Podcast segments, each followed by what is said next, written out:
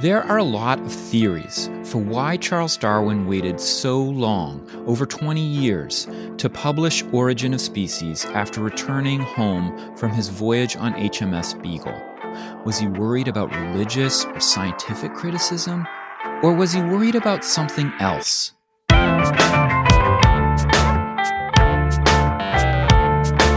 It's time to eat the dogs. I'm Michael Robinson. Today, Alistair Sponsel talks about Darwin's experiences on HMS Beagle and his early career as a naturalist. Sponsel's close reading of Darwin's journals and letters reveals insights about the man that would become known as the father of evolution. Sponsel is the author of Darwin's Evolving Identity Adventure, Ambition, and the Sin of Speculation. Alistair Sponsel, thank you for talking with me. My pleasure. Thanks for having me, Michael. So, in uh, 1831, Charles Darwin, the young Charles Darwin, heads out on a voyage on the British uh, naval ship HMS Beagle. He uh, he's on this voyage for five years. Could you give us a kind of highlight reel of Darwin's voyage?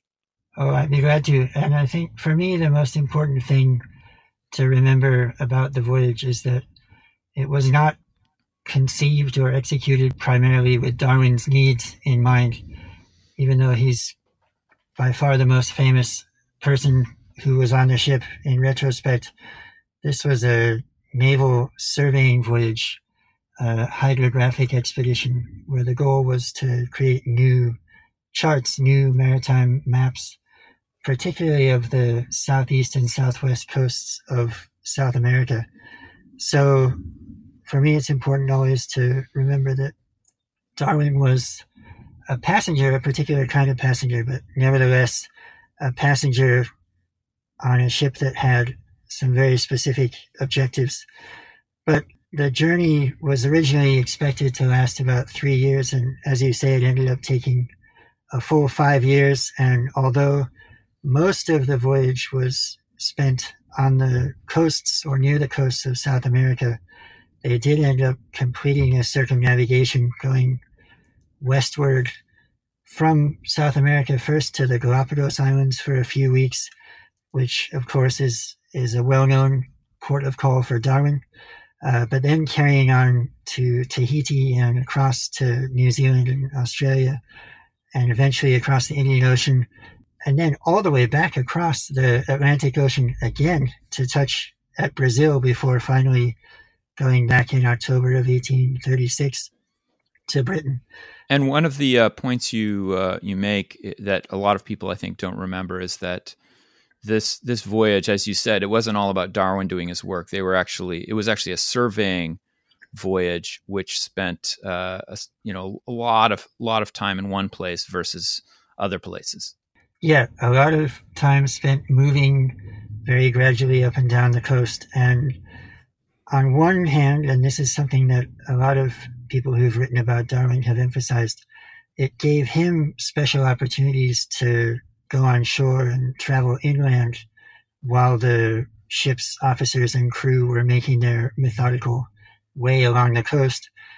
But also, on the other hand, it meant he spent a lot of time on ship and so, as easy as it is to picture Darwin at the Galapagos or maybe Darwin climbing in the Andes, he also had a lot of shipboard time and not just crossing uh, great big oceans for a few weeks at a given stretch, but also near shore and and sleeping on the ship often even when he was interested in studying the shore environment.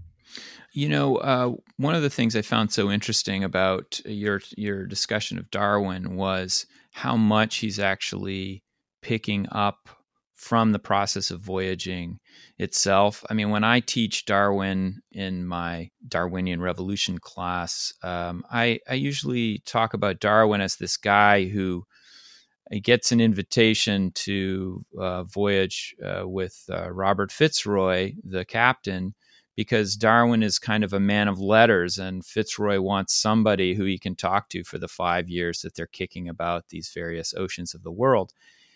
You make the case that, in fact, Darwin's very integrated into the work of the voyage. I was wondering if you could talk about that?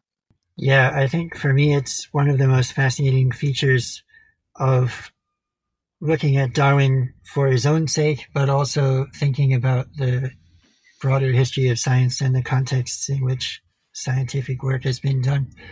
And so, in this book, which is more broadly interested in how Darwin came to be the kind of person who studied spots of land and collected specimens as a traveler, how he was able to go from being that kind of person to the sort of person who was taken seriously, authoring very grand theories about the Earth and the history of life on Earth.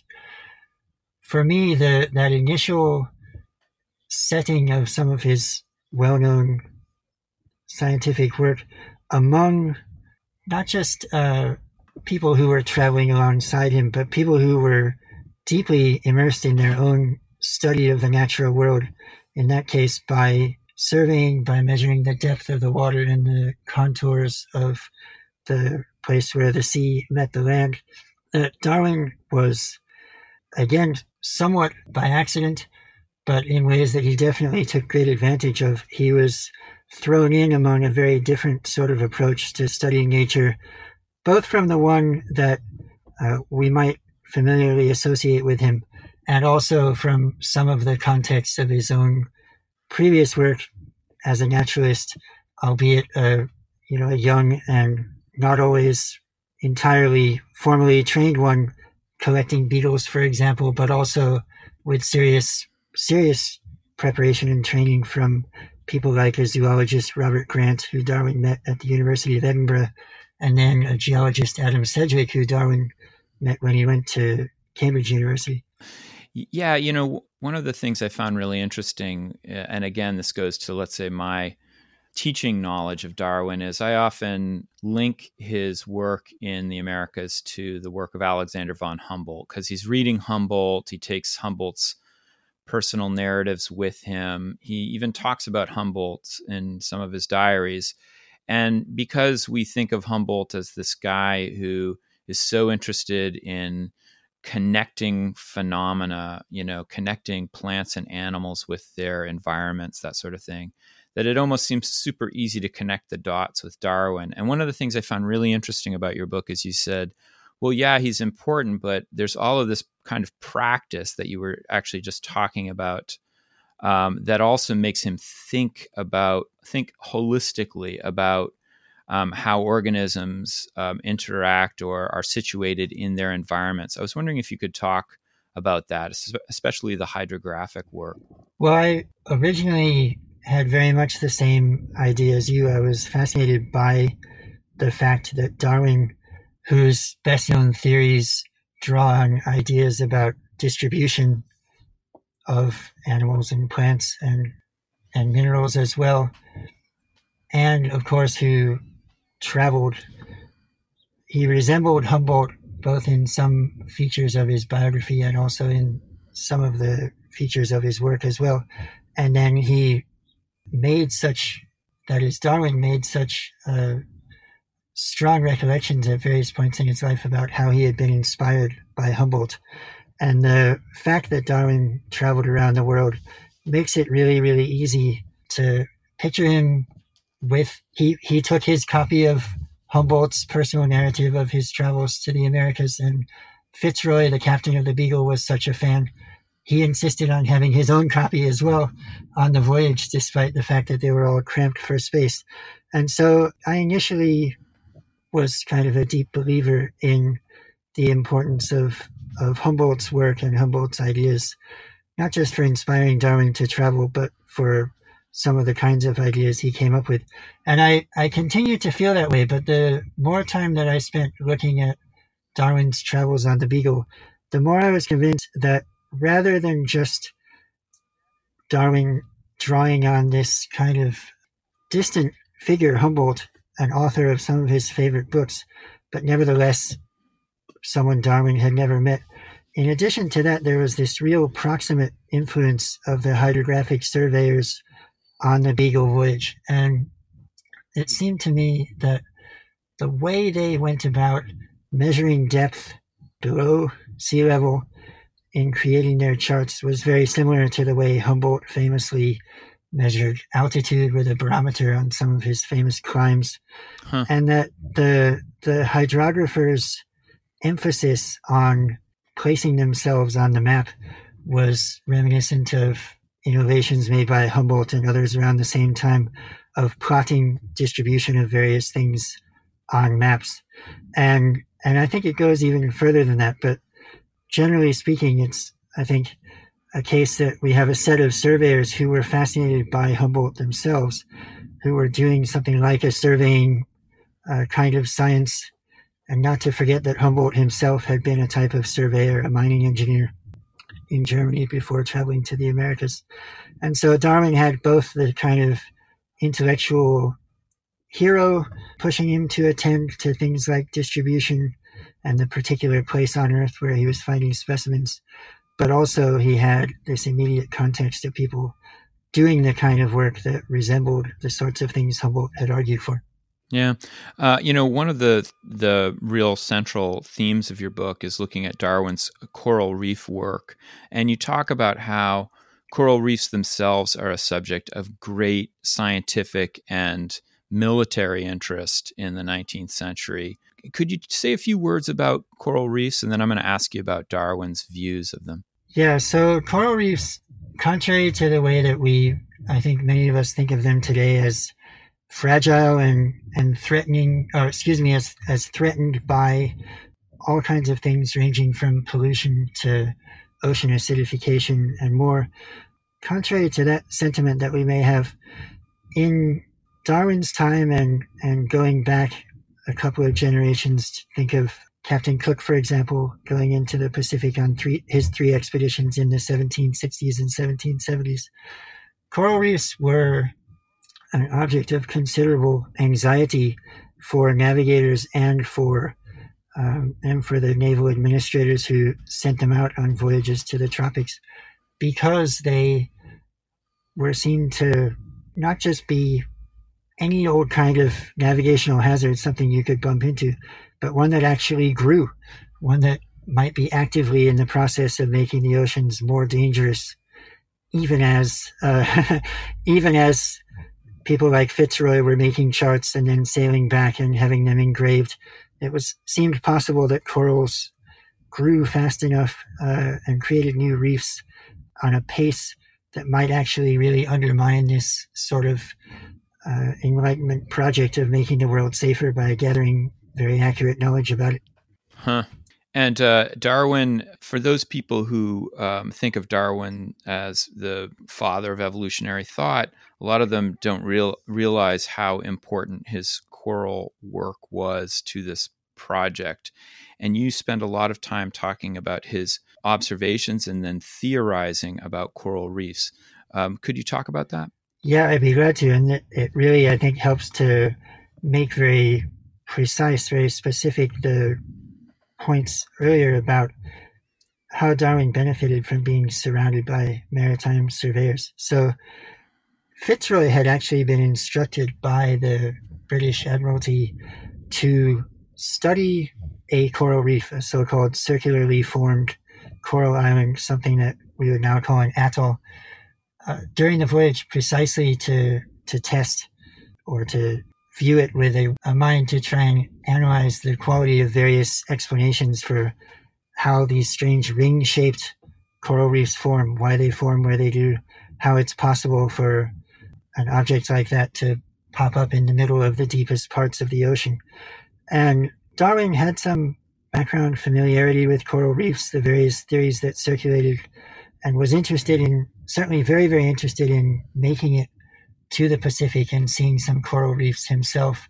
Even very early in the voyage, he likened the experience of looking at very small corals in tide pools to the, the kind of excitement that he one day hoped he would feel seeing entire coral reefs when they made it to the Pacific.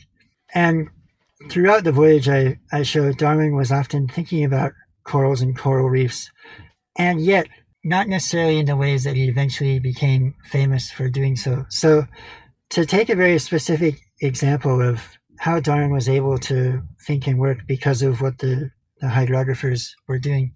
The way they measured depth on these surveying voyages was with something called a sounding lead. It's a heavy, almost bell shaped piece of lead attached to a rope, and this is how the surveyors would measure depth. And in order to not just mark the depth of the water in a given place on the charts they were making, but also to be able to include some information about the type of bottom. Was it shells? Was it sand? Was it mud? They would pack some animal fat, some tallow, into the bottom of the sounding lead, and it would bring up an impression of the bottom. Well, early on in the voyage, Darwin found that what came up in the lead, the material that was brought up from the seafloor, was absolutely fascinating from the perspective of someone like him, someone who was really, really enthusiastic already about marine zoology, particularly marine invertebrates, uh-huh. and also in geology. So he started to pay a lot of attention to what the hydrographers were doing by looking at what came up with every casting of the sounding lead. And this in turn, you make yeah. the point just to uh, just to interrupt here. You you in fact make the point that Darwin probably thought him of himself more as a geologist at this point in his career than somebody doing, let's say, the the biological work that we remember him for. He was really ambitious as a geologist. He he imagined that he would probably make his name as a geologist, but he also, I think, especially early in the voyage, thought that with studying the sounding leads and the, the little organisms that came up, he had a very special opportunity to do a different kind of zoology. And the argument I make is that really what was distinctive about this kind of practice was that it led Darwin to synthesize his studies of zoology in ge- and geology in slightly unexpected ways. And one of the culminations of that was in coral reefs, which are, of course, simultaneously animal and and rock. They're they're a big geological structure that's formed by the growth of organisms. And Darwin Darwin's geological and zoological interests were really this kind of synthesis was fostered again by the work of the hydrographers. It's really familiar to those who do history of science that later in the 19th century and in the 20th century, ecologists developed a way of studying uh, the interrelations between animals and plants and rocks by surveying particular plots of ground. And I think Darwin was led into thinking along these terms much earlier because the sounding lead indiscriminately sampled a little spot of the floor of the sea. And not only did it do that, but mm. to connect it back to Humboldt, the little assemblage of specimens that he would get from the sounding lead came built in with geographical data, you know, the latitude and longitude right. and the, the altitude, in this case below sea level, because yeah. every one of those casts made by the surveyors was done in the in the view of plotting things on charts. Huh. Yeah, that's really, really interesting. And when Darwin gets back uh, from the voyage, he is quite ambitious about putting these uh, observations together in papers, but not just any papers. It sounds to me from your writing that he wants to be, the, you know, developing new dramatic theories in the course of writing these papers, um, and he puts forward a coral reef paper in 1837, which you say is really critical. Uh, in fact, you write um, Darwin's coral reef paper was a work of stunning ambition that deserves to be remembered as one of the most provocative performances of his career. That's quite a statement for the guy who wrote Origin of Species. That's right. Um, but that paper was, among other things, it was the first place where Darwin publicly indicated that he thought he would have something to say about the origin of species. So you have to imagine the scene. This is still a rather young man, just returned from five years of traveling around the world. Unbeknownst to many, during that voyage, he had come up with an entirely new explanation for how coral reefs form. And without trying to go into too much detail about it, he had the idea that atolls, as we were mentioning before, and also barrier reefs were formed when corals grew up atop a subsiding foundation, whether it was a continent or a volcanic island that was sinking. And when he returned back from the voyage, Darwin became very close with a geologist, Charles Lyell, who had already made a name for himself publishing some fairly provocative books arguing about the gradual rate of change of geological phenomena and arguing also about the relations between changes in living things and changes in things like climate and the landscape as well. And so Lyell was extremely keen to have Darwin make some of these theoretical ideas from the Beagle voyage ring out with resonance for Lyell's larger, uh, ambitious program of geological theory. And it was in that relationship between Lyell and Darwin that Darwin presented this, this 1837 paper. And he argued that he, Darwin, had come up with a new explanation for how coral reefs are formed.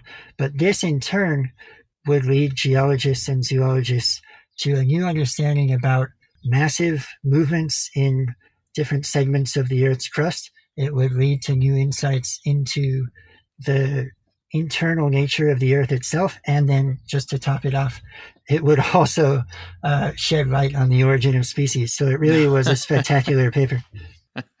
and yet, there's this huge gap of time uh, between this early work where he's uh, really out in front as a theorist, and then The Origin of Species, which is published in 1859. And this is talked about a lot in the history of science community as this period of time where Darwin isn't publishing this thing that everyone, well, that his close friends know he's working on about evolution. And uh, most people kind of put the reason as being that he is concerned with the uh, way that evolution is going to go over among um, not just the religious community, but among his scientific peers. And you actually take a different approach to that question of Darwin's hesitation and anxiety. Uh, could you talk about that? Yeah, it's one of the things that I, I did not set out to write about at all when I was originally working on Darwin in the context of, of exploration and voyaging. But my studies of the Beagle voyage and then his work immediately afterward really led me to think very differently about what I think have been some of the, not just the best known ideas about Darwin's career and his life, but also some that feel like they really ring true. So this idea that although Darwin became an evolutionist very shortly after the Beagle voyage, sometime in the late 1830s, that he felt constrained in various ways and, and discouraged from publishing that, largely because in one respect or another, the topic of evolution would just be too problematic. And I ended up feeling that there is a strong connection between what you had just uh, brought up, which was Darwin's very ambitious, very provocative early theorizing as a geologist after the voyage, and then this this striking reticence to become publicly known as a theorist of evolution. And the argument the argument that I I make is that in fact this early work in geology that Darwin published at Lyell's urging actually he felt had made it so challenging him for him to follow up with a kind of sober and thorough book on geology because it had given people on one hand a, a sense that this was a really exciting thinker who just returned from traveling around the world but on the other hand, the question of whether he was someone who was a little over prone to speculating, to theorizing, um, a little over eager to offer these very ambitious statements. And so it turns out, I think, rather than the private work on species that Darwin was doing all along in these exact same years being something that made him very nervous and made him gradually feel rather ill and rather discouraged, that actually it was the public pressure he felt to live up to the early reputation theorizing on geology that basically served him as a kind of negative object lesson for what to do with his species theory. So yeah, I get the impression from uh, from your writing that it's actually the evolution stuff that's his like little break from the stress. I mean, it's like him watching a Netflix film or something, playing around with ideas um, about evolution. I, and I realize that it might seem not just counterintuitive, but kind of absurd to think that Darwin might have been absolutely agonizing over people's thoughts about whether he was a responsible theorist of coral reef formation on the one hand, and then on the other hand, uh, kind of thrilling at his private work on species.